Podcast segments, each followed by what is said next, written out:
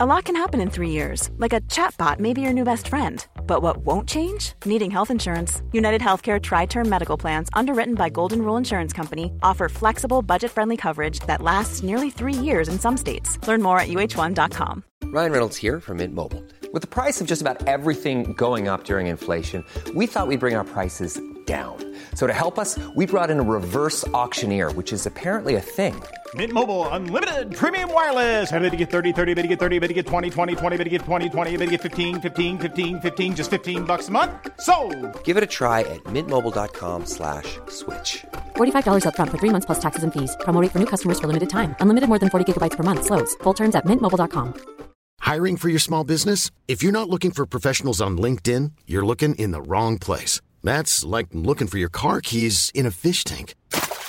LinkedIn helps you hire professionals you can't find anywhere else, even those who aren't actively searching for a new job but might be open to the perfect role. In a given month, over 70% of LinkedIn users don't even visit other leading job sites. So start looking in the right place. With LinkedIn, you can hire professionals like a professional. Post your free job on linkedin.com slash people today. Helt siden de første menneskene slo seg ned i Trøndelag, har det blitt observert underlige lys over Hessdalen. Fenomenet har blitt forsøkt bortforklart som syner sett av bygdetullinger og deliriske hallusinasjoner forårsaket av den lokale drikkekulturen. Men det skulle vise seg at fenomenet stakk langt dypere, når Hessdalen-fenomenet fikk verdensomspennende oppmerksomhet i ufo-miljøet på 1980-tallet. Fenomenet er fremdeles der, og det er fremdeles like uforklarlig som den gang. I 2024 kommer en podkastserie i seks deler, produsert av Project Hessdalen, som kanskje en gang for alle skal finne svar på hva som rører seg på himmelen i denne bortgjemte dalen i Trøndelag. Serien har som seg hør og bør fått tittelen A Blaze in the Northern Sky, og den kommer til din favorittpodkastavspiller i 2024.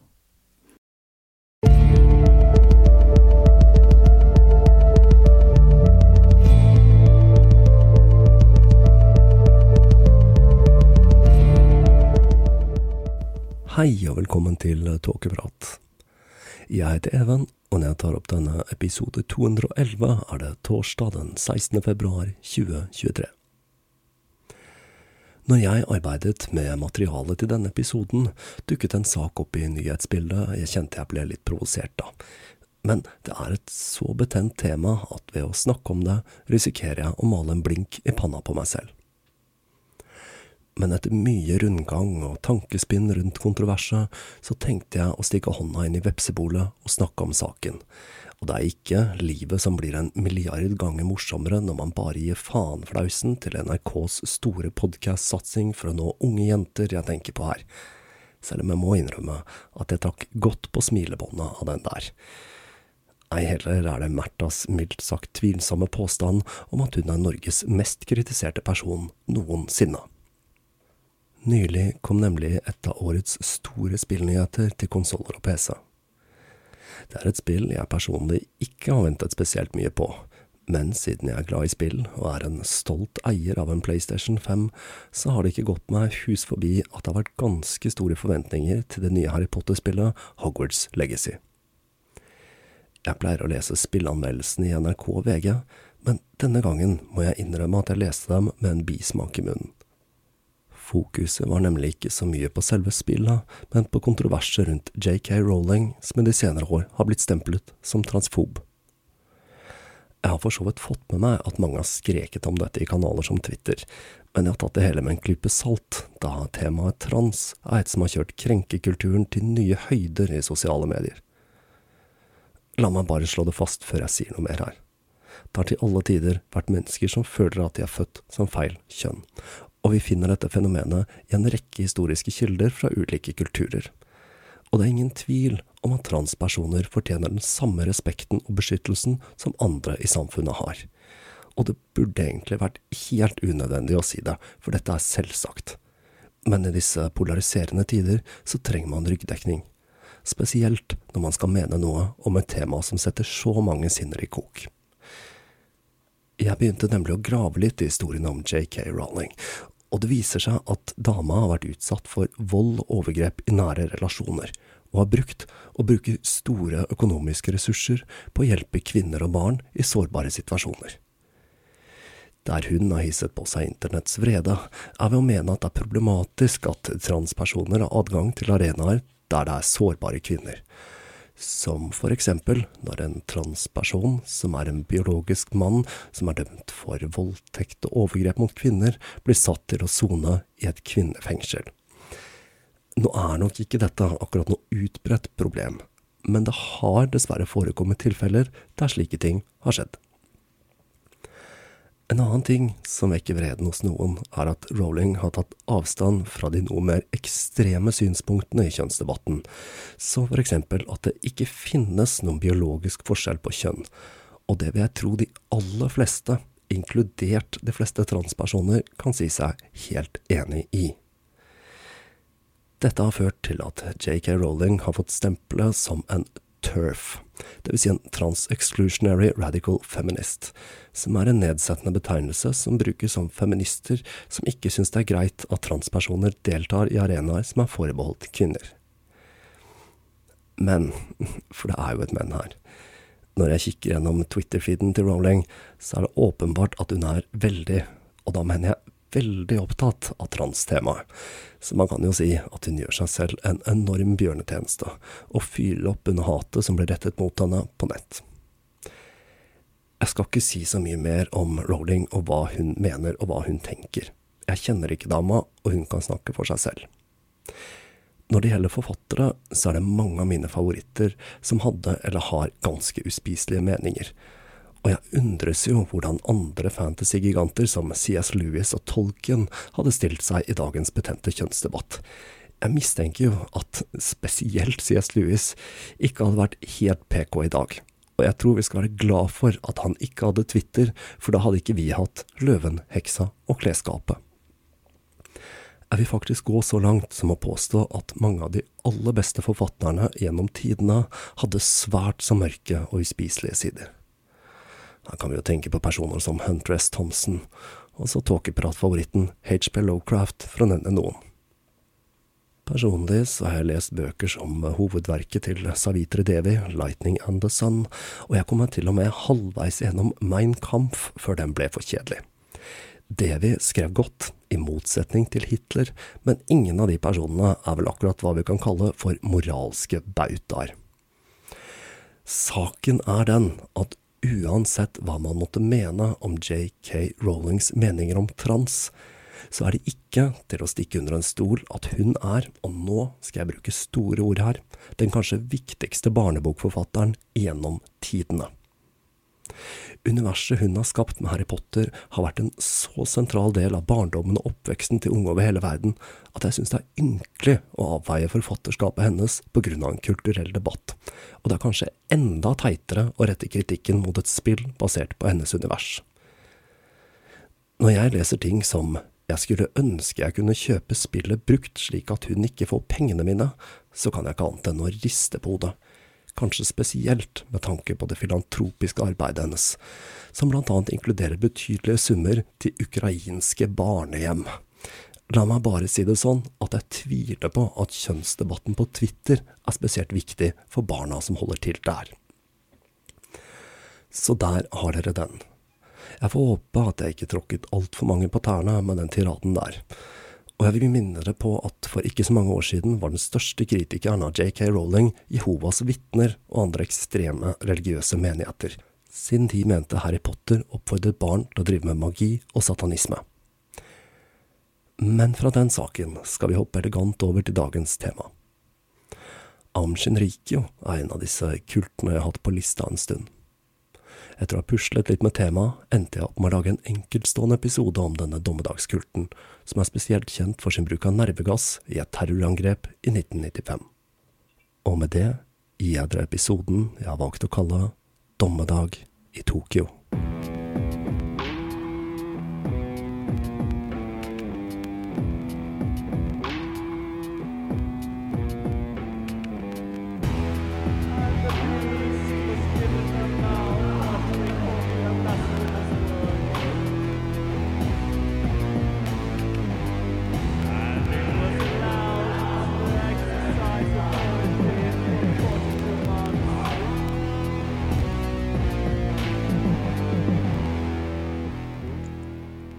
Shitsu Matsumoto ble født inn i en fattig matteveverfamilie i 1955 på den japanske øya Kyushu. Han ble født med grønn stær, såkalt pediatrisk glaukom, en sjelden barnesykdom som gjorde ham blind på det venstre øyet og med bare delvis syn på det høyre. Det var ikke bare bare å være en halvblind sønn av en teppevever i Japan i 1955, og den unge Matsumoto ble utsatt for konstant mobbing av sine jevnaldrende på skolen han gikk på. Foreldrene hans bestemte seg derfor for å forsøke å få ham inn på en kostskole for blinde, og han fikk plass der. Man skulle kanskje tro at Matsumoto ble glad for å komme inn på en skole der han ikke ble mobbet for det dårlige synet sitt, men den gang ei. Eller det er kanskje litt feil å si, for han ble nok glad. Problemet var bare at han utnyttet det at han hadde delvis syn, og var kraftig bygget til selv å bli en mobber og mobbe medelevene ved blindeskolen. Det er jo sjarmerende, den småtjukke gutten som mobbet sine blinde medelever. Det er klart at han hadde gurupotensial. Etter å ha fullført videregående søkte han om opptak ved universitetet i Tokyo, det beste universitetet i Japan men han kom ikke inn der, noe som gjorde han svært bitter. Men så hadde han flaks. Han møtte nemlig ei yngre jente med mye penger, og giftet seg med henne. Med penger fra sin unge kones familie åpnet han en alternativ klinikk i Tokyo som spesialiserte seg på akupunktur og yoga, i tillegg til diverse urtemedisiner. Klinikken ble en suksess, og pengene formelig fosset inn. Men det var ikke nok for Matsumoto for han var på en spirituell søken, og han tenkte stort. Han eksperimenterte med flere ting, som geomanti, som er en spådomskunst der man bruker ulike tegn i landskapet til å finne steder som har spesielt mye energi. Dette er en spådomskunst som er basert på ideen om ley lines, som er en idé om at det finnes energifelter som møtes på visse steder i jordskorpen. Han forsøkte seg også på ulike former for kinesisk spådomskunst, og satte seg dypere inn i meditasjon.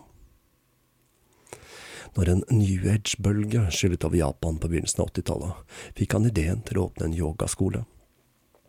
Skolen, som het Omo Shinsen no Kai, som betyr noe slikt som Aum-foreningen for udødelige trollmenn kunne tilby følgerne sine en rekke ting, slik som karmarens, tilgivelse av synder begått i tidligere liv, og kanskje aller mest spennende, overnaturlige evner, som muligheten til å levitere og se gjennom vegger. Sign me up er alt jeg har å si til det. Og det var flere som tenkte som meg i den saken. I et Japan der flere og flere unge følte seg spirituelt desillusjonerte, virket tilbudet om karmarens og levitasjon forlokkende.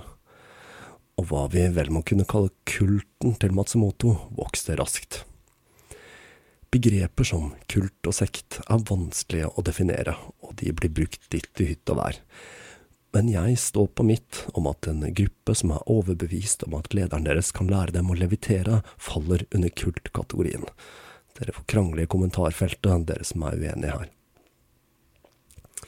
Matsumoto gjorde det altså svært så bra, og i juli 1987 satte han kursen mot Himalaya, og der, som seg hør og bør, fikk han en spirituell åpenbaring som gjorde at han døpte om yogaskolen sin til Aum Shinrikyo. Det navnet består altså av ordet aum, eller om, fra sanskrit, som vel de fleste, eller i hvert fall mange av dere, kjenner til som lyden av universet. Det er lyden man gjerne lager på begynnelsen av en yogatime, og som er symbolisert med det kanskje mest brukte sanskrit-symbolet utenfor India. Dere vet, det som ser litt ut som et tretall med hale, med en liggende halvmåne og en prikk over. Jeg merker at det ikke er superlett å forklare hvordan et sanskrit-tegn ser ut på en ren lydpodkast. Men uansett, den andre delen av navnet, Shinrikyo, er japansk og betyr noe i retning av sannhetslære. Og da ender vi opp med noe som betyr noe sånt som den universelle sannheten. Matsumoto begynte å sette sammen sitt eget trossystem, som besto en blanding av lære fra tibetansk buddhisme, hinduisme, spådommene til Nostradamus, Johannes' åpenbaring og diverse alternative ideer. Og det er nettopp fra Johannes' åpenbaring jeg har hentet verselinjen til musikksnutten til denne episoden. Det var ikke bare organisasjonen som fikk gjennomgå en total makeover. Mannen selv lot hår og skjegg vokse begynte å kle seg i hvite rober og hevdet at han var reinkarnasjonen til Jesus. Nå var ikke identiteten som sønnen til en mattevever bra nok lenger, så han fikk seg også et nytt navn, Shoko Ashahara. I tillegg begynte han å predike litt sprekere ting enn urtete og levitasjon. Nå kunne han nemlig fortelle at det kom til å bryte ut en apokalyptisk atomkrig mellom USA og Japan, og at denne krigen skulle finne sted i 2003. Men det som var kjekt, var at medlemmene av Amshinrikyo ville overleve denne konflikten. Innen 1988 hadde Amshinrikyo rundt 3000 medlemmer, og de hadde kontorer i alle de store byene i Japan. Hovedkontoret etablerte de elleve mil fra Tokyo i Kamikushi, som er en liten landsby ved foten av nasjonalfjellet Fuji. Det tok et par år å bygge det inngjerdede komplekset som besto av en rekke små trehytter, overnattingssaler og lagerbygninger. Det kostet ca. 20 000 kroner å være med på en helgeretreat i komplekset, og svært dedikerte medlemmer valgte å bo der som munker eller nonner, og de kunne få til det ved å gi alt de eide til kulten. Prisen for denne helgeretreaten er vel omtrent det samme det kostet for et kurs på engleskolen til Norges mest kritiserte person. Det at medlemmene ga alt de eide til gruppen, førte til at Daum raskt klarte å raske til seg en del eiendom i en tid der eiendomsprisene i Japan var på vei til himmels, og med det vokste formuen til gruppen. I 1989 tok Gashara med seg 200 av følgerne sine til Tokyo for å protestere mot at det hadde tatt så lang tid å anerkjenne Aum Shinrikyo som en religion. Og det var bare starten på en kampanje for å få myndighetene til å anerkjenne Aum. Medlemmene begynte å drive med massiv lobbyvirksomhet og bombarderte viseguvernøren med telefoner. Og taktikken, den virket. Kun fire måneder etter fikk gruppen status som en religion, noe som førte til at de fikk spesielle skattefordeler og andre juridiske fortrinn. Gruppen begynte å investere den stadig økende kapitalen sin. De kjøpte elektronikkprodusenter og utsalgssteder, restauranter og yogasentre, i tillegg til å selge egenproduserte bøker og merch. Og merchen, den var litt spesiell. Man kunne blant annet få kjøpt litt av blodet til Ashara, lokker av skjegget hans, og ikke minst det brukte badevannet hans, som gikk for nesten 8000 kroner literen. Og her føler jeg at jeg kanskje burde hente litt inspirasjon til nettbutikken til Tåkeprat. I tillegg så drev de også med en del lyssky aktiviteter som utpressing, kidnapping, forsikringssvindel og produksjon av ulovlige rusmidler og eksplosiver. De knyttet bånd til yakuzaen, den japanske mafiaen der altså, og med denne ulovlige aktiviteten vokste organisasjonen seg steinrik. De begynte til og med å investere i eiendom i utlandet, som en teplantasje på Sri Lanka og en sauefarm i Australia. Organisasjonen var strukturert hierarkisk, med forskjellige presteklasser og innvidde som rapporterte høyere og høyere opp i pyramiden. Asahara selv ble omtalt som Hans Hellighet Mesteren, og høyerestående offiserer gikk under tittelen Seidaishi, høymester, og de under som Saigoshi, eller mester.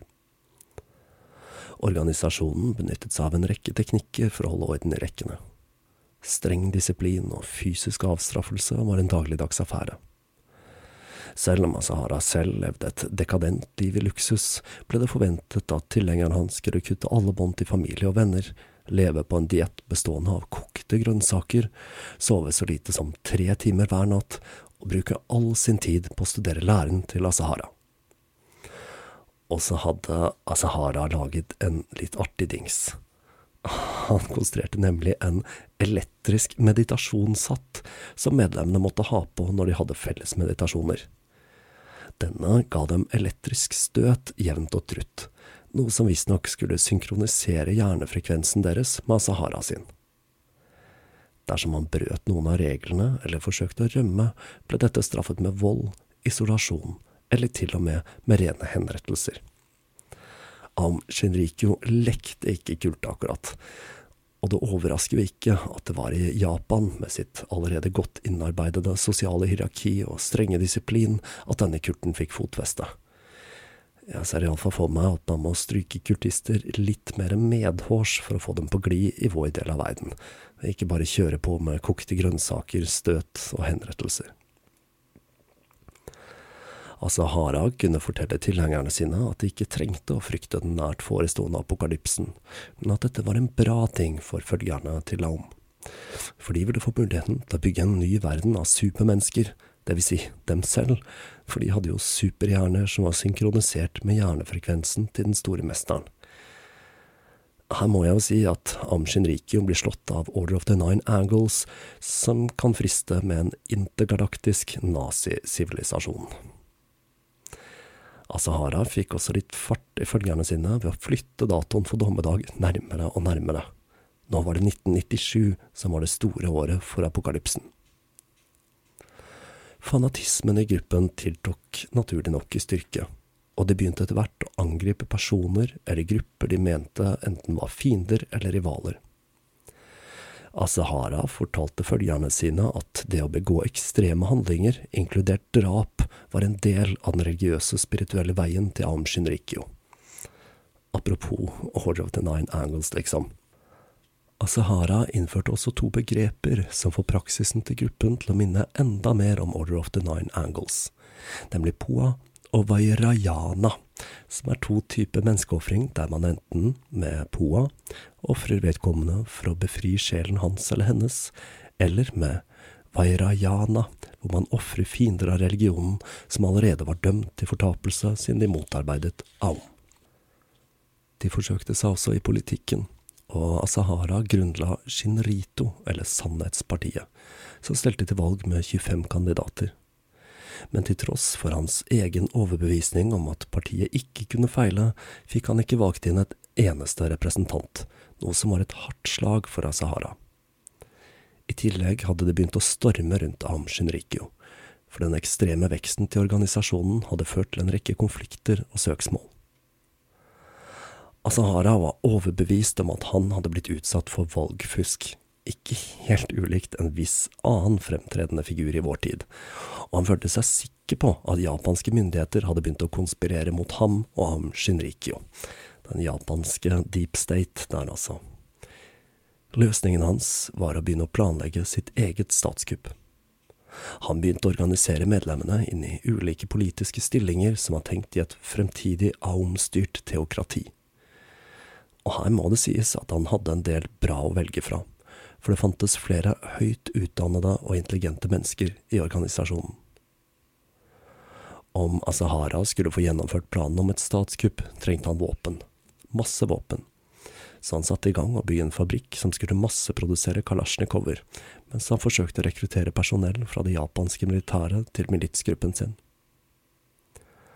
Han forsøkte også å skaffe seg biologiske og kjemiske våpen ved å rekruttere unge, desillusjonerte vitenskapsmenn på jakt etter spirituell sannhet fra Japans universiteter.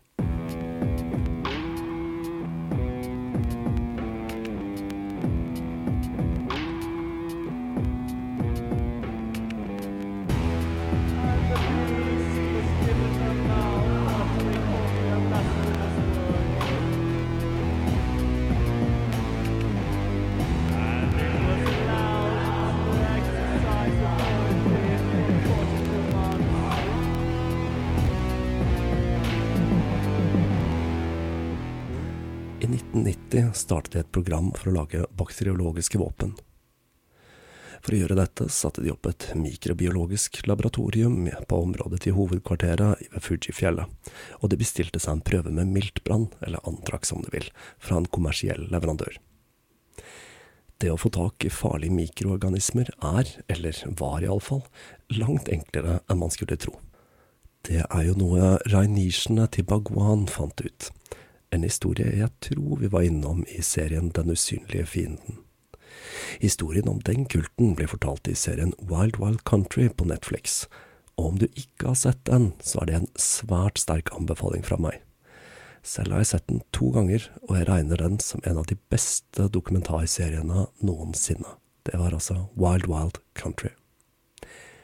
Uansett, Am Shinrikyo klarte å fremstille en flytende løsning med miltbrannsporer og den 1. juli 1993 iverksatte de hva som var tenkt som et biologisk angrep som skulle drepe tusenvis av mennesker. De sprayet væsken fra toppen av et bygg de eide i Øst-Tokyo, i Kameido-distriktet, men virkningen den ble ikke helt sånn som de hadde sett for seg. Mannen som hadde vært hjernen bak operasjonen, Seiki Endo, hadde nemlig klart å bestille feil variant av miltbrann. Så det eneste som skjedde, var at folk i nabolaget klaget over en vond lukt som så ut til å komme fra bygget til Am Shinrikyo. Det gikk altså ikke helt etter planen, men Asahara begynte ikke å henge med nebbet av den grunn. Gruppen begynte å ekspandere virksomheten sin i Russland, hvor de i tillegg til å ha en betydelig gruppe med tilhengere, opererte en radiostasjon og flere firma. Når muren falt i 91, var det ville tilstander i Russland, og Aom så sitt snitt til å kjøpe varer og tjenester under bordet.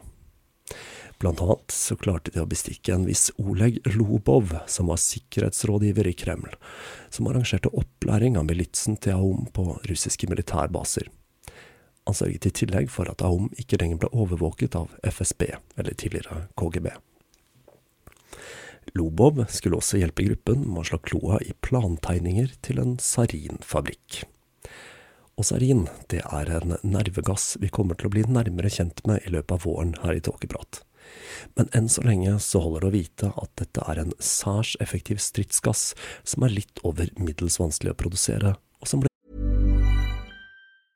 A lot can happen in the next three years. Like a chatbot may be your new best friend. But what won't change? Needing health insurance. United Healthcare Tri Term Medical Plans are available for these changing times. Underwritten by Golden Rule Insurance Company, they offer budget friendly, flexible coverage for people who are in between jobs or missed open enrollment. The plans last nearly three years in some states, with access to a nationwide network of doctors and hospitals. So, for whatever tomorrow brings, United Healthcare Tri Term Medical Plans may be for you. Learn more at uh1.com. How would you like to look five years younger? In a clinical study, people that had volume added with Juvederm Voluma XC in the cheeks perceived themselves as looking five years younger at six months after treatment. Look younger, feel like you. Add volume for lift and contour in the cheeks with Juvederm Voluma XC. Reverse signs of aging by adding volume to smooth laugh lines with Juvederm Volure XC. For important safety information and to find a licensed specialist, visit juvederm.com. That's J U V E D E R M.com. Not for people with severe allergic reactions, allergies to lidocaine, or the proteins used in Juvederm. Common side effects include injection site redness, swelling, pain, tenderness, firmness, lumps, bumps, bruising, discoloration, or itching. There's a risk of unintentional injection into a blood vessel, which can cause vision abnormalities, blindness, stroke, temporary scabs, or scarring. Talk to a licensed specialist to find out if it's right for you. Utviklet i Nazi-Tyskland. I 1993 hadde Asahara et møte med Masami Tsuchiya, som var overhodet for kjemiavdelingen til Aom. Han hadde en mastergrad i organisk kjemi, og hadde brukt, brukt ekspertisen sin til å fremstille ulike rusmidler for gruppen fram til da. Nå ba Sahara han om å fremstille ulike kjemiske våpen, for å finne ut hvilke som var mest egnet for masseproduksjon. Og med det satte Masami i gang å eksperimentere i sitt lille hjemmelagde laboratorium ved foten av Fujifjellet. Han kom til slutt fram til at sarin var det mest egnede kjemikaliet for masseproduksjon. Ikke bare var det relativt enkelt å lage, men det var lett å få tak i råmaterialene de trengte, og dødeligheten til gassen gjorde at den var egnet til å skape det kaoset de mente de trengte for å styrte den japanske regjeringen. Og ikke minst, sarin hadde blitt funnet opp i Nazi-Tyskland, noe Asara likte godt, siden han var en beundrer av Adolf Hitler. I juni 1993 sto sarinfabrikken ferdig. Fra utsiden så det bare ut som en litt shabby lagerbygning men til tross for det beskjedne utseendet fikk medlemmene av kulten beskjed om at bygget var så hellig at kun munker som hadde nådd det øverste nivået av spirituell opplysthet, hadde adgang. Når man kom inn i bygget, ble man møtt av en skive av statue, men det var bare en fasade. Hjertet til fabrikken var i andre etasje, hvor de hadde montert utstyr til en verdi av nærmere 100 millioner kroner. Produksjonen var helautomatisert, og den ble overvåket fra et kontrollrom der en gruppe kultmedlemmer iført hvite rober og elektriske meditasjonshatter fulgte med på prosessen via monitorer, noe som unektelig høres litt ut som en sær James Bond-film. I tredje etasje var kontorer for kjemikere og ingeniører som var involvert i prosessen. I tillegg så var det en hemmelig bar i denne etasjen, for selv om medlemmene måtte leve et asketisk liv, så gjaldt ikke dette for de høyerestående offiserene. Produksjonen pågikk døgnet rundt. Men det å lage sarin i stor skala, det er ikke bare bare, og de hadde flere lekkasjer. Noe som blant annet førte til at arbeidere ved anlegget fikk en rekke symptomer på lett sarinforgiftning, som utmattelse og neseblod. De som bodde i den lille landsbyen hvor Aum hadde bestemt seg for å opprette hovedkvarteret sitt, var ikke så veldig fornøyd med at det kom en lukt fra anlegget som minnet om brent plastikk. Og de ble enda mer bekymret når trærne rundt området begynte å dø, og kyrne sluttet å gi melk. Innbyggerne klaget til politiet, men når de begynte å grave i saken, truet Aum med søksmål og sa at dette var religiøs forfølgelse, og da valgte politiet å skygge banen. Planen var å spraye sarin fra helikopter over strategiske mål, slik som det japanske parlamentet, og ved hjelp av sine kontakter i Russland klarte de å slå kloa i et russisk MI-17-helikopter som ble sendt til hovedkvarteret, og Asahara sendte to kultmedlemmer til USA for å ta helikopterlappen. I mellomtiden begynte Asahara å eksperimentere med sarin som våpen. Det første offeret de så seg ut, var Daisaku Ikeda, som var overhodet for Sukka Gakkai, som var den største av de nyreligiøse gruppene i Japan. Asahara var misunnelig på suksessen gruppen hadde hatt, og han planla å ta livet av Ikeda etter han hadde holdt et foredrag. Han beordret tre kultister til å kjøre en varebil til en bygning der han hadde holdt foredrag, og planen var å spraye bygget fullt av sarin. Men noe gikk galt, og det var en av kultistene som endte opp med å få sarindusjen i ansiktet, og han overlevde bare fordi de klarte å administrere motgift i tide. Man kan vel ikke si annet enn at de var litt klønete, de am Genricchio. For å teste effektiviteten til sarin gjorde gruppen en rekke eksperimenter på sauefarmen de hadde kjøpt i Australia. Disse testene viste at jo da, sarinen de hadde, den var utvilsomt dødelig, men nå gjaldt det jo bare å bruke den på riktig måte. I juni 1994 planla de den første store aksjonen med sarin. Denne gangen var målet en gruppe dommere som skulle dømme i en rettssak mot Aum, der de ble saksøkt for å ha brukt en bygning de hadde kjøpt som kontorlokaler, og ikke til matforedling, slik de hadde oppgitt at de skulle når de kjøpte bygningen. Advokatene til Aum sa at det så ut som de kom til å tape søksmålet, og det var da Asahara bestemte seg for å bruke gassen. Denne gangen brukte de en kjølebil utstyrt med en ståltank med sarin og et varmeelement drevet av 30 bilbatterier for å varme opp og fordampe sarinen, som skulle blåses ut av en luke i siden på bilen mot lokalet der dommerne holdt til. Den 27. juni satte de i gang planen. Kjølebilen fikk følge av en varebil med kultister. Det gikk ikke så veldig fort, fordi vekten av bilbatteriene i kjølebilen gjorde at de ikke klarte å kjøre raskere enn 30 km i timen. Kurtisten i varebilen holdt vakt mens de gjorde seg klare på en parkeringsplass. Alle ble injisert med motgift, og så tok de på seg hjemmelagde gassmasker som besto av en plastikkpose med en oksygentank. Hvorfor de ikke skaffet seg skikkelige gassmasker med de kontaktene de hadde, det må nå bare gudene vite. Etter å ha gjort seg klare, kjørte bilen opp til bygningen. I området rundt var det flere privatboliger og leilighetskomplekser. Klokken 22.40 åpnet de luken i kjølebilen, skrudde på varmeelementet og åpnet tanken slik at bilen ble fylt med sarin der kultistene satt i sine hjemmelagde gassmasker. En fikk panikk, men han roet seg når den hvite tåken ble blåst ut av luken i bilen. Etter 20 minutter hadde de fordampet tre liter med sarin. Den hvite tåken drev sakte mot bygget der dommerne var, og kultistene bestemte seg for at tiden var inne for å stikke av men de glemte å skru av sarinfordamperen, så den fortsatte å spre gassen mens de tøffet tilbake i 30 km i timen. Vinden snudde, og gassen begynte å drive vekk fra bygget med dommerne og drev mot leilighetskomplekset, hvor mange av beboerne hadde valgt å ha vinduene åpne, for det var en spesielt varm natt. En mann som røykte en sigarett på balkongen, la merke til en stikkende og irriterende lukt, og like etter fikk han en dundrende hodepine, og det begynte å svartne for ham. På samme måte fikk en kvinne som badet, voldsomme magekramper før hun besvimte i badekaret. Klokka 23.09 ringte en 42-årig selger som bodde i en av eneboligene, etter ambulanse. Han fortalte at kona hans plutselig hadde begynt å skrike i smerte, hvorpå hun falt om på gulvet med kraftige kramper. Når ambulansen kom, møtte mannen Kono dem. Han var blek og virket omtåket, og fortalte dem at kona hadde mistet bevisstheten. Ekteparet og deres to døtre ble evakuert, og de forsøkte å redde kona med førstehjelp, men hun hadde allerede fått alvorlig hjerneskade, og livet sto ikke til å redde. I løpet av de neste timene oppdaget de at fem andre beboere i området hadde dødd i hjemmene sine, og 300 mennesker ble evakuert.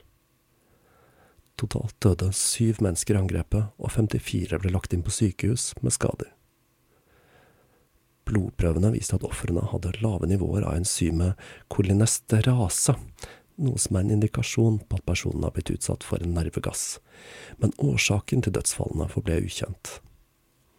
Den neste morgenen begynte politiet å gjennomsøke området. I en treklynge ved parkeringsplassen fant de en gruppe døde dyr, og bladene på buskene i området var krøllede og misfargede. Den første mistenkte var Kono, mannen som først hadde rapportert hendelsen, fordi de fant kjemikalier hjemme hos ham. Teorien var at mannen hadde forsøkt å lage sitt eget ugressmiddel, og at eksperimentet hadde gått litt over styr. De forsøkte å presse en tilståelse ut av ham, men han hevdet at kjemikaliene var noe han hadde brukt i mørkerommet han hadde hjemme. Pressen fikk med seg at han var mistenkt i saken, og han ble konstant plaget av nysgjerrige journalister, noe som mildt sagt må ha vært litt kjipt for mannen som akkurat hadde mistet kona i et gassangrep. Men når eh, kjemikere, og ikke bare eplekjekke politimenn, ble involvert i saken, ble det klart at området rundt i parkeringsplassen inneholdt spor av sarin og siden ingen av kjemikaliene hobbyfotografen hadde hjemme stemte overens med nervegassen, var det åpenbart for alle at Kono var uskyldig, og at den virkelige gjerningsmannen fremdeles var på frifot. Asahara var fornøyd med resultatet av operasjonen. Syv var døde og 200 skadet uten at noen mistenkte Aum Shinrikyo. Selv om dommerne som egentlig hadde vært målet for operasjonen, hadde kommet unna med livet i behold, hadde de blitt så dårlige at de ikke kunne møte opp til rettssaken og den hadde blitt utsatt på ubestemt tid. Med den suksessen bestemte Asahara seg for å øke sarinproduksjonen dramatisk, og han satte seg et mål om å produsere 70 tonn på 40 dager. Dessverre for ham så gikk ikke alt etter planen, og på grunn av en lekkasje den 9. juli 1994 begynte giftige stoffer å sive ut til omgivelsene, og innbyggerne klagde igjen til politiet men kultistene sa at dette dreide seg om vanlige kjemikalier til landbruk og truet med søksmål, så politiet lot dem være igjen. Den 16. november var det enda en lekkasje, og denne gangen tok politiet prøver av jorda fra området rundt, og prøvene viste spor av det samme stoffet de hadde funnet etter gassangrepet i juni. Når de begynte å grave litt mer, fant de ut at Aum hadde kjøpt inn store kvanta av kjemikalier som ble brukt i nettopp sarinproduksjon men til tross for dette så kviet de seg for å legge press på gruppen, siden de hadde status som en religiøs organisasjon. Ikke alt gikk som Asahara hadde tenkt.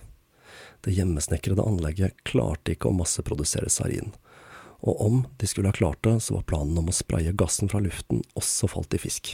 De klarte nemlig ikke å få helikopteret de hadde kjøpt fra Russland, flyvedyktig.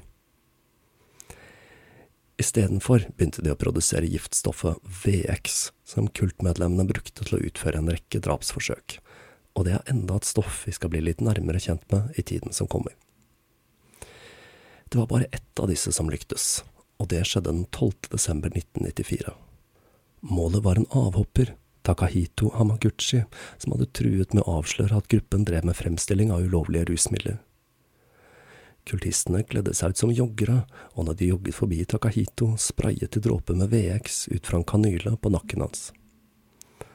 Takahito skjønte at det hadde skjedd noe mystisk, og han begynte å løpe etter gruppen med joggere, men etter kun 100 meter kollapset han og falt i koma. Han døde på sykehuset et par dager senere uten å komme til bevissthet igjen, og dødsfallet hans forble et mysterium.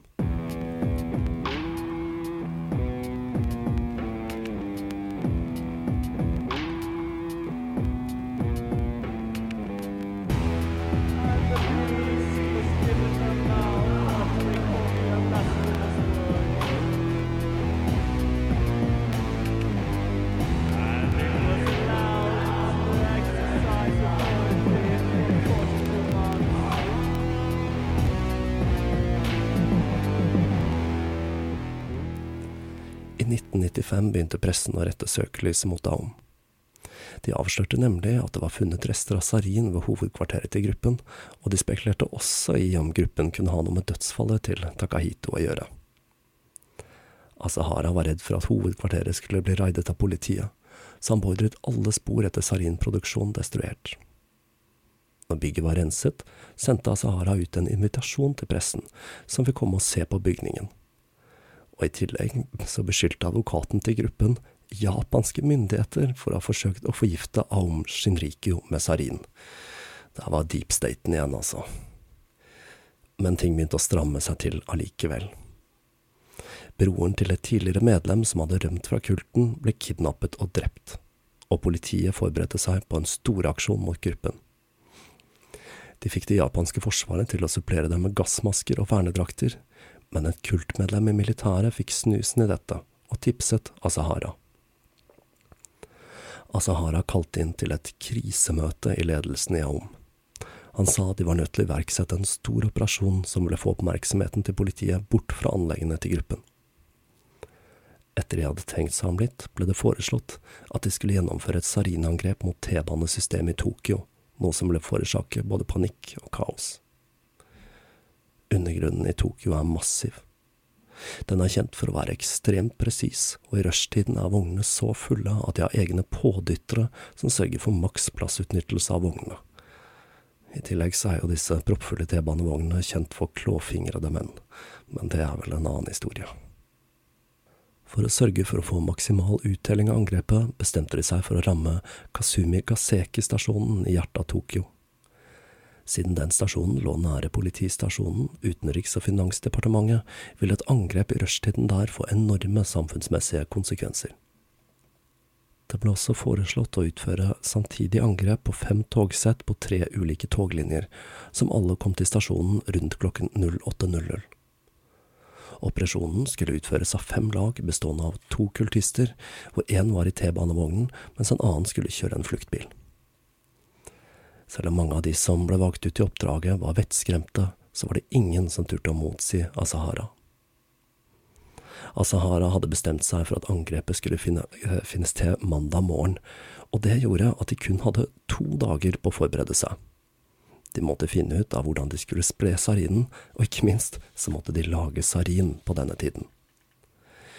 Siden de hadde destruert sarinfabrikken, så de seg nødt til å produsere stoffet i et hjemmelaget laboratorium og de klarte å framstille syv liter sarin. Men siden de hadde så dårlig tid, fikk de ikke destillert produktet, og kvaliteten var bare på ca. 30% Kultistene var litt bekymret for at den var for svak, så de hørte med Asahara hva han tenkte. Han svarte at det viktigste var at de klarte å skape litt kaos, og at sarin med lav renhet var bedre enn ingenting. Med guruens velsignelse ble den halvkjipe sarinblandingen fylt i plastikkposer, som igjen ble sikret med en ekstra plastikkpose på utsiden. Kvelden den 19. mars dro de på befaring i T-banenettet for å bli enige om hvor de skulle utføre de ulike angrepene, og etterpå møttes de for å spise thaimat. Når de var forsynt, ca. klokka 01.30, fikk de beskjed om å dra til hovedkvarteret for å hente posene med sarin, og stikke innom en døgnåpen butikk for å kjøpe syv paraplyer som var tenkt å brukes til å stikke hull på plastikkposene på D-banen. Når de kom fram til hovedkvarteret for å hente sarinen, ble paraplyene spisset, og de øvde seg på å stikke hull på plastposer fylt med vann for å få teknikken til å sitte. Sarinposene ble pakket inn i aviser slik at de skulle se mindre mistenkelige ut, og de fikk utlevert tabletter med motgift de skulle ta to timer før aksjonen begynte.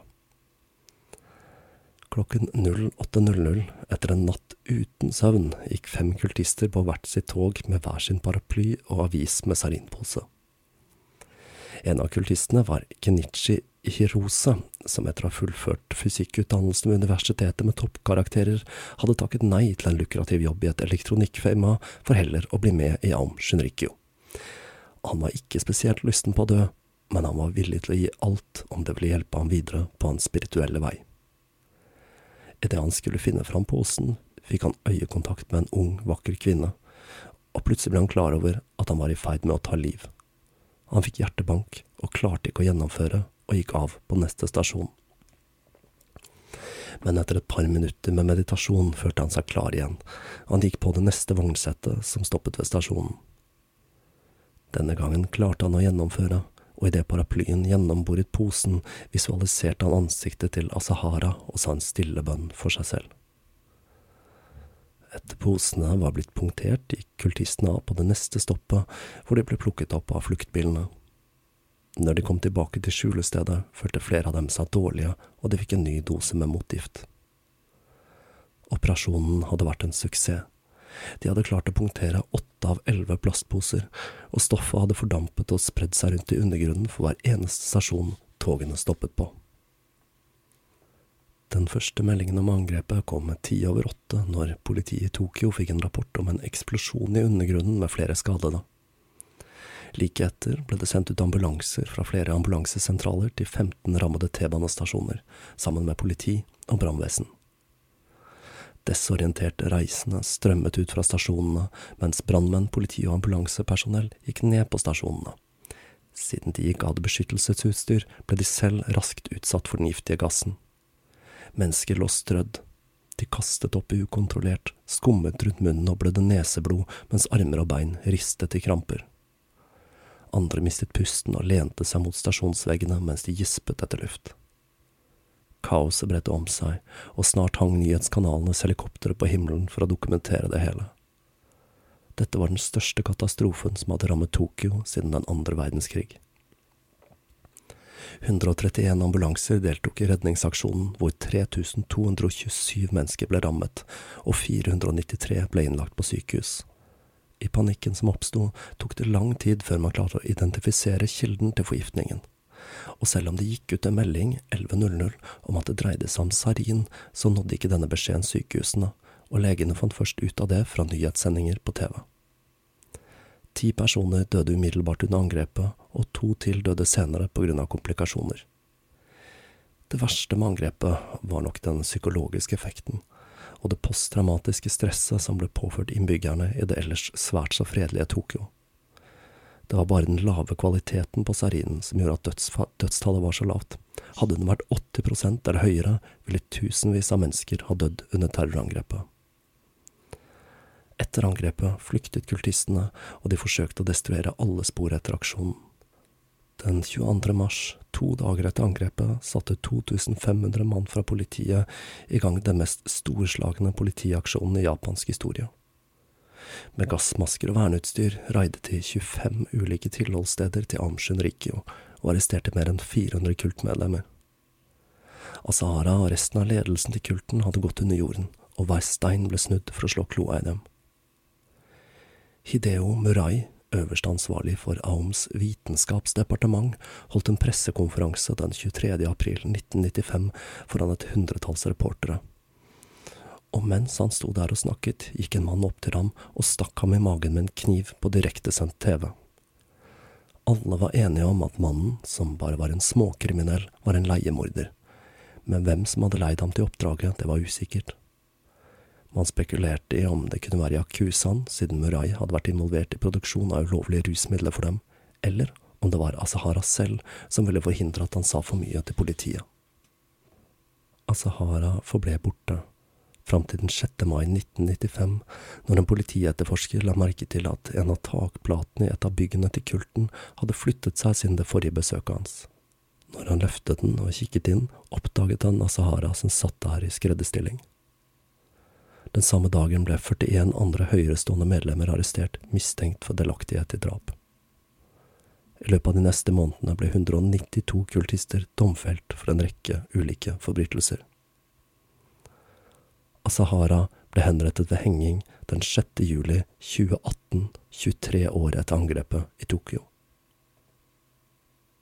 Gruppen holder utrolig nok fremdeles koken den dag i dag under navnet Alep, og den gjennomførte en terroraksjon så sent som i 2019, da et medlem kjørte bilen sin inn i en gruppe mennesker som en hevnaksjon for henrettelsen.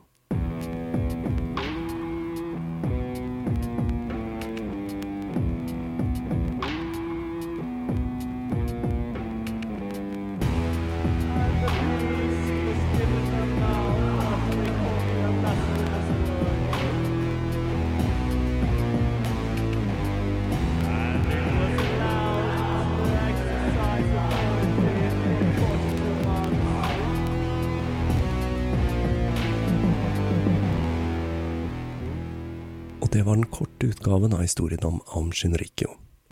Som jeg har ymtet frampå her, så kommer det til å komme flere episoder med gass, blant annet Sarin, i løpet av våren. Helt til slutt så tenkte jeg å fortelle dere om et lite eksperiment jeg driver med her om dagen.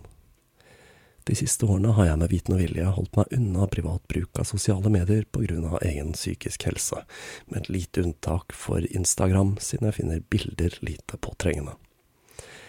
Her om dagen byttet jeg ut den gamle mobilen min, og da fikk jeg lyst til å plukke opp et sosialt medium igjen, for å se verden gjennom øynene til en av de store plattformene. Spørsmålet var bare hvilket. Jeg bruker jo Facebook, Instagram og Twitter til podcasten, med hovedtyngde på Facebook, og med Instagram som en slags privat slash podcast-hybrid. Twitter-kontoen har jeg stort sett bare brukt til å reposte fra Instagram. Etter mye om og men kom jeg fram til at jeg skal kaste meg over Twitter og forsøke å tvinge meg selv til å være aktiv der en periode. Jeg er allerede så aktiv på Instagram som jeg orker å være, og jeg får litt hetta av de siderange innleggene som preger Facebook. Snapchat får jeg helt marka, og TikTok føler jeg gir meg lett epileptisk anfall. Twitter derimot har et kort format, og etter Elon Musk overtok plattformen, har det skjedd en del endringer der, og jeg er litt spent på hvordan den historien vil utvikle seg. En av utfordringene med Twitter er at plattformen nærmest renner over av troll, og det er det som har gitt meg litt bismak når jeg har vært på den plattformen tidligere. Sett fra en annen side så er det veldig mye god humor å finne på Twitter.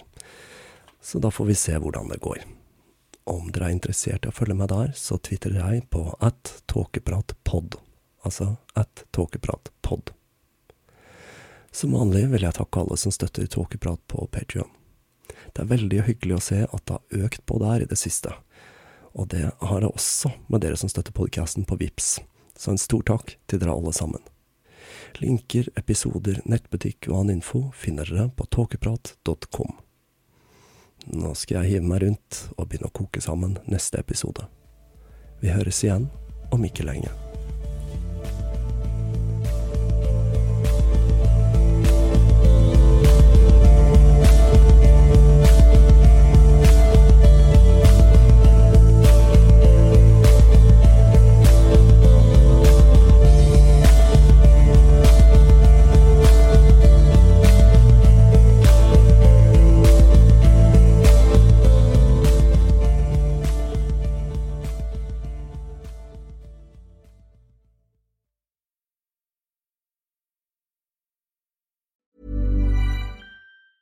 Even on a budget, quality is non-negotiable. That's why Quince is the place to score high-end essentials at 50 to 80% less than similar brands. Get your hands on buttery soft cashmere sweaters from just 60 bucks, Italian leather jackets, and so much more.